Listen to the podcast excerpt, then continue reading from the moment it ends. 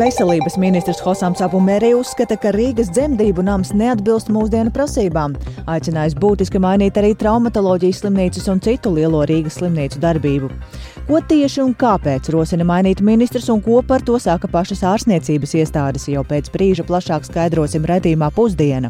Saimas ārkārtas sēdē politiķi piemin Krievijas pilna mēroga iebrukumu Ukrainā otro gada dienu, aicina nepagurt un atbalstīt Ukrainu līdz tās uzvarai. Cilvēkiem Ukrainā neviens nav devis iespēju pagurt. Un vairāk nekā pusē saņemto jauno elektrovilcienu joprojām problēmas. Pasažierus pārvadā vien septiņi no 17 sastāviem. Arī par to jau tūdaļ raidījumā pusdiena.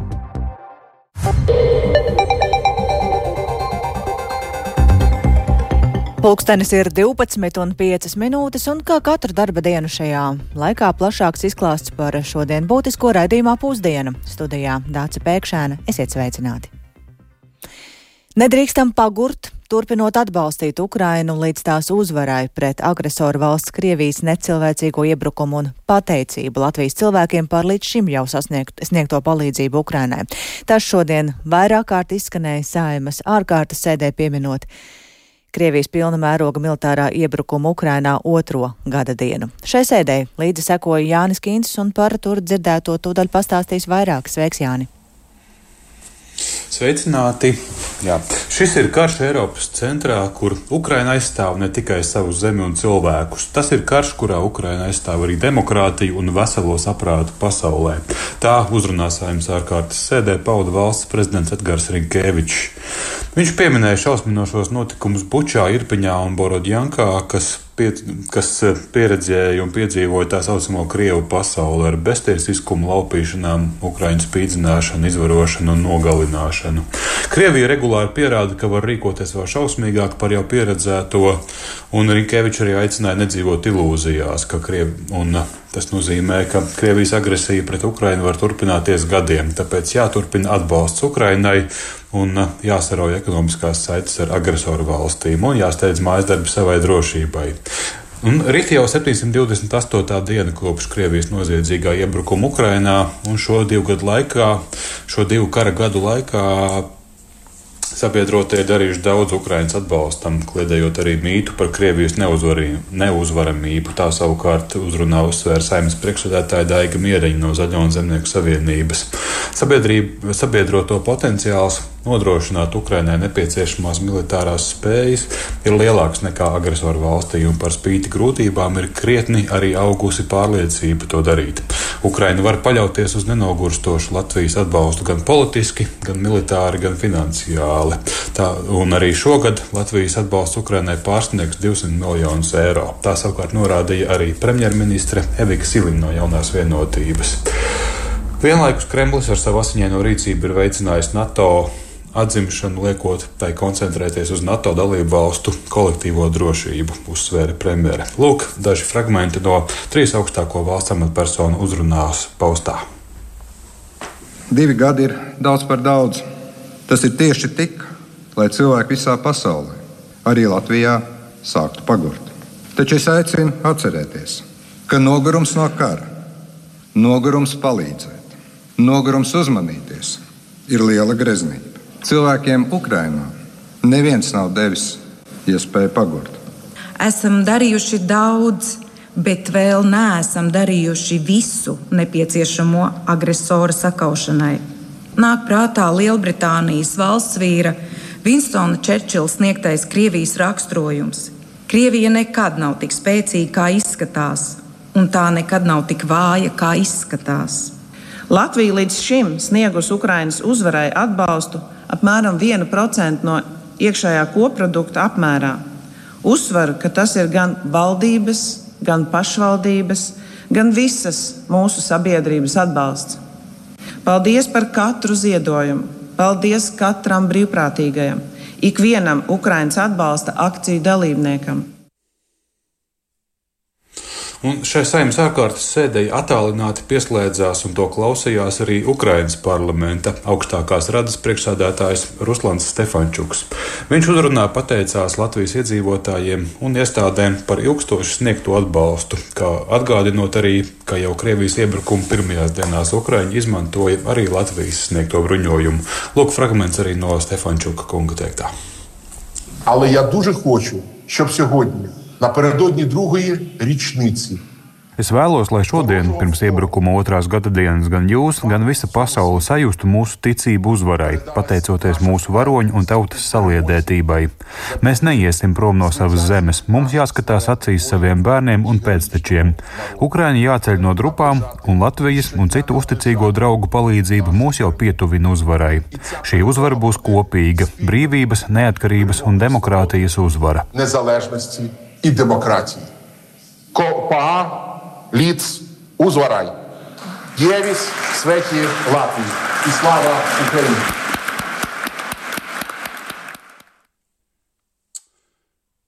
Un uh, saima pēc tam sekojošā jau kārtējā sēdē ir arī izskatījusi un pieņēmusi kopīgu paziņojumu, atkārtojot uh, saimas nosodījumu Krievijas īstenotajiem agresijas karam pret Ukrainu un arī nelokām atbalstu Ukrainas neatkarībai.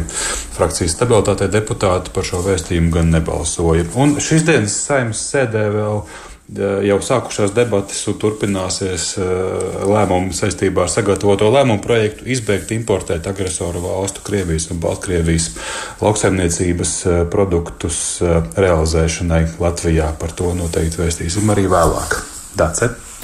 Paldies Jānim Kincim, un jāteic, ka drošības jautājums īpaši jau šajā laikā ir īpaši būtisks temats arī pie mums, un ja kādu laiku bija apklusuši mēģinājumi nelikumīgi šķērsot Latvijas robežu, tad jau divas nedēļas tie ir atkal atjaunojušies, tiesa skaitliski neliela, tās ir piecu, deviņu cilvēku grupas, un līdzīga situācija ir arī Lietuvā un Polijā. Pagaidām gan nav skaidrs, vai nelegālās migrācijas spiediens uz robežas atgriezīsies pērnā gada līmenī. Tā šorīt kolēģiem Ar Teskujai un Laurim Zvejniekam redzīmā labrīt atzina iekšlietu ministrs Rihards Kozlovskis no jaunās vienotības.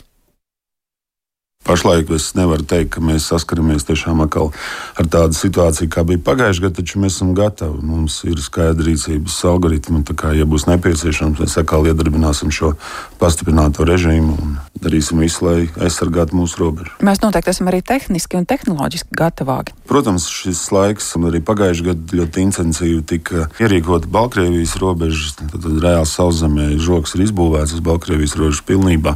Tagad tas notiek purvājos un tādās mitrās zonās. Arī ir uzsākts projekts par šo optisko kabeļu izbūvi, kas primāri notiks arī uz Baltkrievijas robežas, bet kopumā visā austrumu robežas garumā. Arī tiek īstenoti projekti, kas ir tādi lokālajie uzraudzības projekti ar torņiem un video novērošanu. Tā skaidrs, ka mēs ar katru dienu teiktu, kļūstam stiprāki. Bet tas uh, uzmanības centrs joprojām ir Baltkrievijas robeža. Krievijas robeža tas raizes nedara? Raizes vienmēr ir un bažas ir. Jā, man nav arī izskaidrojumi tādu uz uzreiz, kāpēc teiksim, šis viss periods bija Baltkrievijas robeža, nevis Krievijas robeža. Jo šie potenciālie šķērsotāji tika piegādāti, ja tā drīkst izteikties, no Krievijas. Taču Krievija to neīstenoja. Līdz ar to man nav uzreiz tādas atbildes, kāpēc, acīm redzot, ir kaut kāda sava apsvēruma arī Krievijas pusē. Es teiktu, tā, ka mēs diezgan, manuprāt, izlēmīgi rīkojamies ar robežu čērsošanas punktu slēgšanām. Līdz ar to arī jau pagājušajā gadā esam teikuši, ja tas tiks īstenots līdzīgi kā Somijā, vai kā mēs pilnīgi noteikti aizliegsim visus punktus. Līdz ar to, protams, jārēķinās ar, nu, par ko mēs runājam, par dažādiem tranzītiem un importiem, bet, ja drošība tiks apdraudēta, tā būs primāra. Līdz ar to es domāju, ka kaut kas varbūt saistīts arī ar šo faktoru. Tālūk iekšlietu ministrs Rihards Kozlovskis no jaunās vienotības. Bet vai ir gaidāmas izmaiņas divās lielās un būtiskās medicīnas iestādēs Rīgā? Veselības ministrs Hosam Sabumeri uzskata, ka valsts apmaksātie pakalpojumi traumatoloģijā un ortopēdijā Rīgā turpmāk ir jātīst tieši lielajās valsts slimnīcās, un tāpēc aicina pašvaldība būtiski mainīt traumatoloģijas pacientu aprūpi. Tāpat viņš apšauba Rīgas dzemdību nama atbilstību mūsdienu prasībām. Savukārt Latvijas veselības ekonomikas asociācija vērtē, ka pārņemot pašvaldības slimnīcās sniegtos pakalpojumus, kurus jau šobrīd apmaksā pati valsts, to kvalitāte un pieejamība neuzlabosies. Būtiskākā problēma ir valsts apmaksāto pakalpojumu salīdzinoši zemie tarifi, tā norāda asociācijā, un plašāk par šo tematu ir interesējusies kolēģis Sintīja Ambote. Sveika, Sintīja! Kādas ir ministra plānotās reformas tieši Rīgā un kā šos priekšlikumus vērtē pašvaldību nozara? Vēstulē Rīgas pašvaldībai veselības ministrs Hosams Abmeri no jaunās vienotības paudis, ka ir apņēmies veikt nozīmīgas pārmaiņas veselības aprūpas organizēšanā, lai šie pakalpojumi Latvijas iedzīvotājiem būtu pieejamī, pieejamāki un, un arī kvalitatīvāki. Viens no reformas mērķiem ir traumatoloģijas aprūpi galvas pilsētā tātad attīstīt lielajās valsts slimnīcās, Rīgas Austrum slimnīcā un Stradiņas slimnīcā. Pat laban šos pakalpojumus nodrošina trīs iestādes - pieminēta Austrum slimnīca, valsts traumatoloģijas un ortopēdijas slimnīca un Rīgas otrā slimnīca. Tāpat šajā vēstulē ministrs arī norādījis uz problēmām saistībā ar Rīgas dzemdību nama pakalpojumiem, bet nu pat telefonu sarunā viņš man atzina, ka publiskajā telpā šie izteikumi ir pārprasti, jo viņš neuzskata dzemdību namu par nekautīvu pakalpojumu sniedzēju. Ministrs runā par nākotni, kurā pakalpojumiem jāuzlabojās, un viņš uh, sagaida diskusiju un arī vīziju no pašvaldības, bet šobrīd nav vēl runas par konkrētiem reformas soļiem vai termiņiem. Latvijas Veselības ekonomikas asociācijas uh, valdes priekšsēdētāja Daiga Behmane, mm, vērtējot šos ministra priekšlikumus, piekrīt, ka pat laban Rīgā veselības pakalpojumu sistēma kopumā ir sarežģīta daudzo iestāžu atšķirīgās pārvaldības formas dēļ. Ir gan valsts slimnīcas, gan pašvaldībai piedarošās un arī privātās iestādes, taču politiski nosakot, kur un kādi pakalpojumi tiks koncentrēti, tas nerisinās to pieejamības problēmas, jo uh, jāsakārto pakalpojumu tarifi, lai valsts slimnīcas nestrādātu ar zaudējumiem. Tā sacīja Behmana klausamies. Tam ir vajadzīgs daudz lielāks sistēmiskas izmaiņas un konkrēti noteikti strateģiskās izmaiņas. Tad par traumatoloģijas attīstību nu, jāsaka, ka šeit vispār nav nekādas stratēģijas. Un jāsaka, tā nu, Stradiņas slimnīcas pieminēšana tīri no ekonomiskā viedokļa izklausās diezgan dīvaini, jo, principā, kā mēs redzam, Stradiņas slimnīcai pašai ir milzīgas problēmas. Slimnīca strādā ar zaudējumiem, slimnīcai nepietiek resursu, tagad vēl ir tās celtniecības problēmas, tur ir milzīga augsta ārstu mainība jo tas ir saistīts visu ar šo valsts uh, pakalpojumu organizāciju. Tas ir saistīts ar tiem ekonomiski nepamatotiem tarifiem, kas nesadz pašizmaksu. Līdz ar to arī universitātes slimnīcām Rīgā šobrīd ir milzīgas problēmas. Veselības ministrs vēl paudis, ka Rīgā jau ilgstoši pastāv problēma nodrošināt iedzīvotājiem iedzīvotājiem primāri nepieciešamo aprūpu pacientiem ar hroniskām saslimšanām. Veselības ministrija esot vairāk kārt jau tikusies ar Rīgas pašvaldības pārstāvjiem, lai rosinātu paplašinātu aprūpas gultu skaitu Rīgā, jo pieprasījums pēc hronisko pacientu aprūpas, paliatīvās aprūpas un rehabilitācijas ilgtermiņā tikai palielināsies. Veselības ministrija vēstulē vakar ska, šī vēstule skatīta, Veselības ministrijas vēstule skatīta arī Rīgas domas sociālo jautājumu komitejā, un varam paklausīties arī Rīgas domas sociālo jautājumu komitejas vadītāju Juri Dzēviču no gods kalpot Rīgai.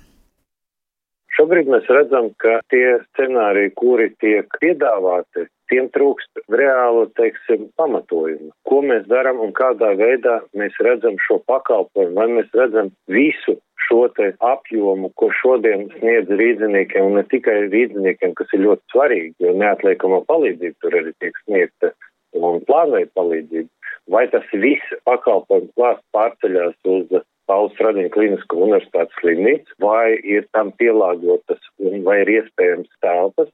Mēs īstenībā runājam arī par to, ka to speciālistu klāsts ir ierobežots. Un, ja mēs runājam par otru komponentu, ko redz tā kā ministrija par šīm te hroniskās veselības aprūpas gultām paliatīvu aprūpu, nu var teikt, ka tā būtu jauna funkcija pašvaldībai, kuri nav skaidri pateikt, kāds ir finansējums.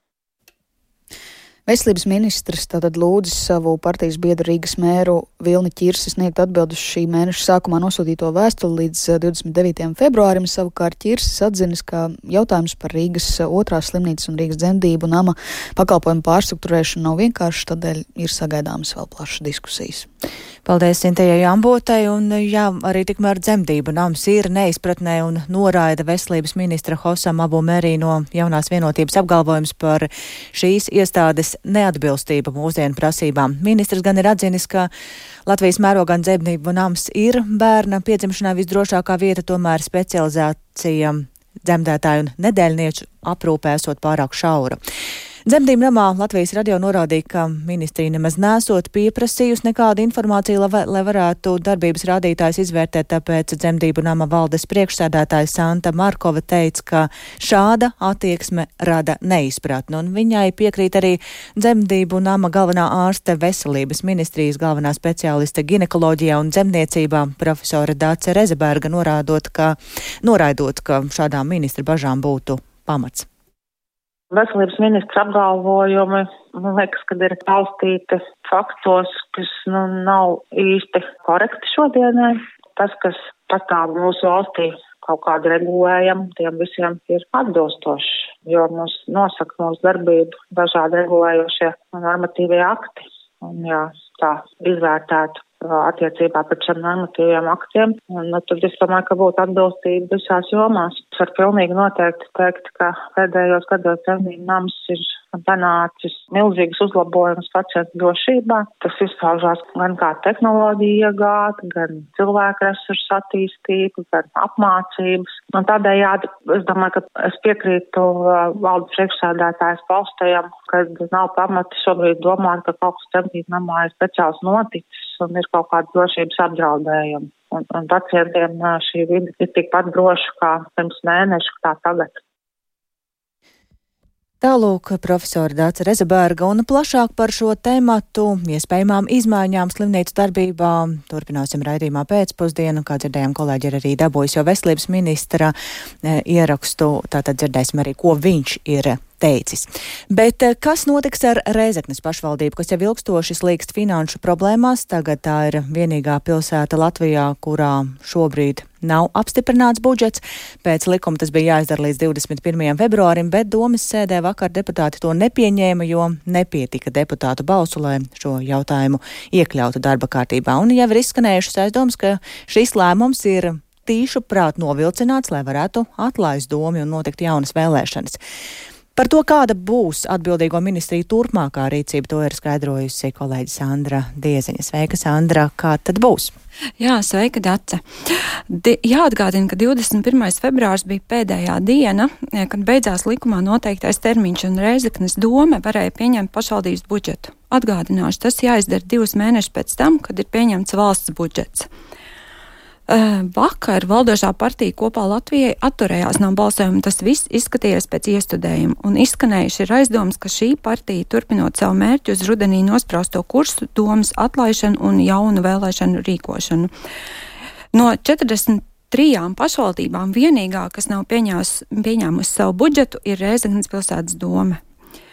Vides aizsardzības un reģionālās attīstības ministre Inga Bērziņa no jaunās vienotības man šodien skaidroja, ka ministrijas lēmumi turpmāk būšot izsvērti un valsts drošības interesēs. Ministrs sacīja, ka pirmdien tiksies ar koalīcijas partneriem un lems par turpmāko rīcību. Noteikti tikšot izvērtēta situācija arī no drošības viedokļa. Runāsim ar valsts drošības iestādēm, sacīja ministre. Viņa arī pauda, ka pašlaik nav sapu, saprotams, kādu iemeslu dēļ atstādinātais Rēzeknas mērs šādi rīkojas un vai tas ir valsts interesēs. Bet ko par to saka Finanšu ministrijas pārstāvis Aleksis Jarotskis, klausāmies.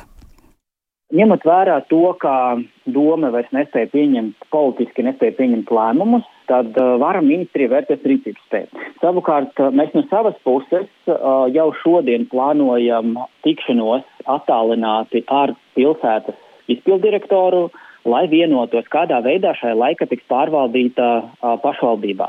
Mums ļoti svarīgi, lai šīs politiskas krīzes situācija neciestu pilsētas iedzīvotāji un darbinieki, un lai laicīgi tiktu izmaksātas algas, lai tiktu nodrošināti visi likuma noteiktie pakalpojumi. Turpmāk, protams, skaidrs, ka pašvaldība, ja nav pieņēmusi likuma noteikta kārtībā, tad attiecīgi arī nevarēs saņemt arī finanšu stabilizācijas aizdevumu, par ko ir lēmusi iepriekš valdība. Jo apstiprinātais budžets bija nosacījums, lai pašvaldība varētu saņemt šo ārkārtas stabilizācijas aizdevumu. Jā, pagaidām Reizekne strādā ar tā saucamo tehnisko budžetu un katru mēnesi saņems vienu 12. daļu no kopējā budžeta. Taču bez kopējā budžeta pašvaldībai varētu būt grūti pārvaldīt finanšu plūsmu un problēmas varētu sākties jau maijā, kad pašvaldībai varētu būt grūtības nodrošināt savas pamatvajadzības un sekt izdien, ikdienas rēķinus. Un tas nozīmē, nu, tās problēmas varētu būt gan ar algu izmaksām, gan ar rēķinu apmaksu. Paldies kolēģei Sandrai Dieziņai par šo skaidrojumu, bet tagad pievēršamies tam, kā tad nokļūt līdz, līdz Reizeknei un arī citām pilsētām, jo no jaunajiem elektrovilcieniem pat labāk pasažierus var pārvadāt mazāk nekā pusi. Turklāt tagad kursē par vairākiem jauniem vilcieniem mazāk nekā vēl pirms mēneša. Tā Latvijas radio ir noskaidrojis uzņēmumā pasažieru vilciens, un jāatgādina, ka Škoda ir solījusi, ka marta pirmajā dekādē pasažierus varēs pārvadāt teju visi vilcieni. Par šo tematu tad ir interesējies Viktors Demidovs. Sveiki, Viktor, saki, kas pat labāk notiek ar lielāko daļu vilcienu? Nu, tie kopumā ir deviņi vilcieni, kas šobrīd nekursē. Labdien! Jā, nedēļas ar jauniem elektrovilcieniem turpinās, un no 17 uh, vilcieniem pat labam pasažieris pārvadā vien astoņi, un viens šorīt atgrieza, vienu šorīt atgrieza ierindā, un ar pārējiem situācija ir atšķirīga. Diviem ir tehniskas problēmas, bet septiņiem tad, uh, problēmas ir novērstas, taču pasažierus tie nepārvadā, un uh, pamatā defekti vispār, ja runājam par tiem, uh, ir saistīti ar dažādu elektroniku un uh, kļūme, kļūmēm, uh, un, uh, ja par tiem septiņiem atlikušiem, tad efekti ir novērsti, bet uzņēmums pasažieru vilciens vēl veids dinamiskas pārbaudes, braucot pat simtiem kilometru, un tad vairāk par to stāsta uzņēmuma pārstāvis Edgars Butāns nevar pasažierus pārvadāt tikai ar diviem. Attiecīgi, tad atlikušie septiņi ir tādi, kuriem defekti ir novērsti un kur pēc būtības varētu tikt izmantoti pasažieru pārvadājumos, bet lai to darītu, lai teiksim, mazinātu šo, šos te riskus, mēs šos vilcienus testējam šajās dinamiskajās pārbaudēs. Klausītājiem laikam nav īsti starpības, vai jūs tur vedat uh, kartupeļus uh, vai, vai savus speciālistus. Pasažieri tur tik un tā nevar izmantot un nevar nu, braukt. Nu, pasažieriem droši vien būtu svarīgi tas, lai tiešām tas vilciens ir uzticams. Un, un to, vai viņš ir uzticams, to mēs pēc arī, teiksim, tāda dubulta pārbaude. Attiecīgi, Škoda ir izdarījusi to savu darbu, Škoda ir novērsusi konstatētos deficītus, bet mēs savukārt no savas puses pasažieriem nodrošināt maksimāli modernu un ērtu šo te pakalpojumu. Mēs tāpēc arī veicam papildu šīs šīs dinamiskās pārbaudas.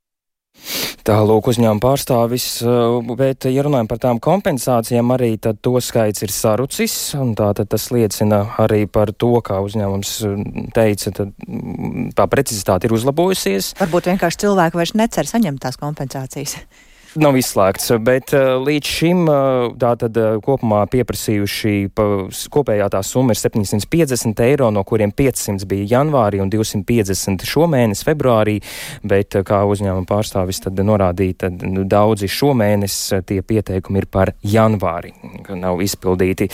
Bet kad varēs braukt visi 17 jaunie elektrovilcieni, nu tādas skaidras atbildes joprojām nav. Bet eh, kā uz to visu reaģēja satiksmes ministrija? Vai tiešām uzskata, ka situācija ir normāla un pieņemama? Jā, es arī vērsos pie ministrijas, un eh, tā atbilde bija tāda, ka Uh, viņi, ka tas uzdevums ir jāizpild pasažieru vilcienam, uh, respektīvi, kā viņi uh, brauc ar tiem vilcieniem, bet tad plašāk lūdzu to stāsta satiksmes ministra padomnieks Edgars Klētnieks. Tas ir attiecīgi pasažieru vilcienu kompetencē un arī viņu pienākums šo uzdevumu izpildīt. Bet 47% ir pieņemami pat labam. 53 sanāk nevar pasažierus pārvadāt. Tas ir jautājums attiecīgi pasažieru vilcienam, bet kas mums ministram ir svarīgs, ka cilvēkiem laikus ir jātiek uz darbu. Šī situācija, kur attiecīgi ar šiem Škodas defektiem cilvēki ir apstāti pieturās, tāda situācija vienkārši nedrīkst atkārtoties. Un, protams, Jums pat labi īsti nav tik būtiski, vai pasažieri brauc ar jaunajiem vai veciem vilcieniem? Nē, protams, tas arī būtiski, bet tas, kas mums ir jāskatās, ir, vai Škoda varēs šo solījumu laiks izpildīt. Mēs pagaidīsim attiecīgi šo datumu, tad arī komentēsim.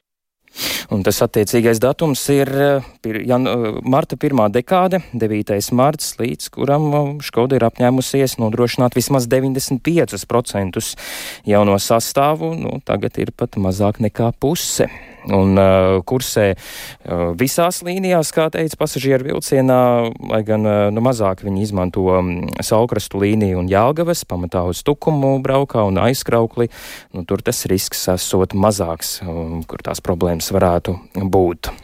Nu, vēl nedaudz laika tam ir, lūkosim kā šis izvērsīsies. Paldies par šo komentāru Viktoram Demīdovam, un ar to tad arī izskan raidījums pusdiena. To producēja Ilze Agīnta, ierakstus montēja Kaspars Groskops par labskaņu rūpējās Mārtiņš Paeglis, un ar jums sarunājās Dāca Pēkšēna. Vēl īsi par būtisko veselības ministrs Hosam Sabumeri uzskata, ka Rīgas dzemdību nams neatbilst mūsdienu prasībām un aicinājis būtiski mainīt arī traumatoloģijas slimnīcas un citu lielo Rīgas slimnīcu darbību. Saimas ārkārtas sēdē politiķi piemin Krievijas pilna mēroga iebrukumu Ukrainā otro gada dienu, aicina nepagurt un atbalstīt Ukrainu līdz tās uzvarai.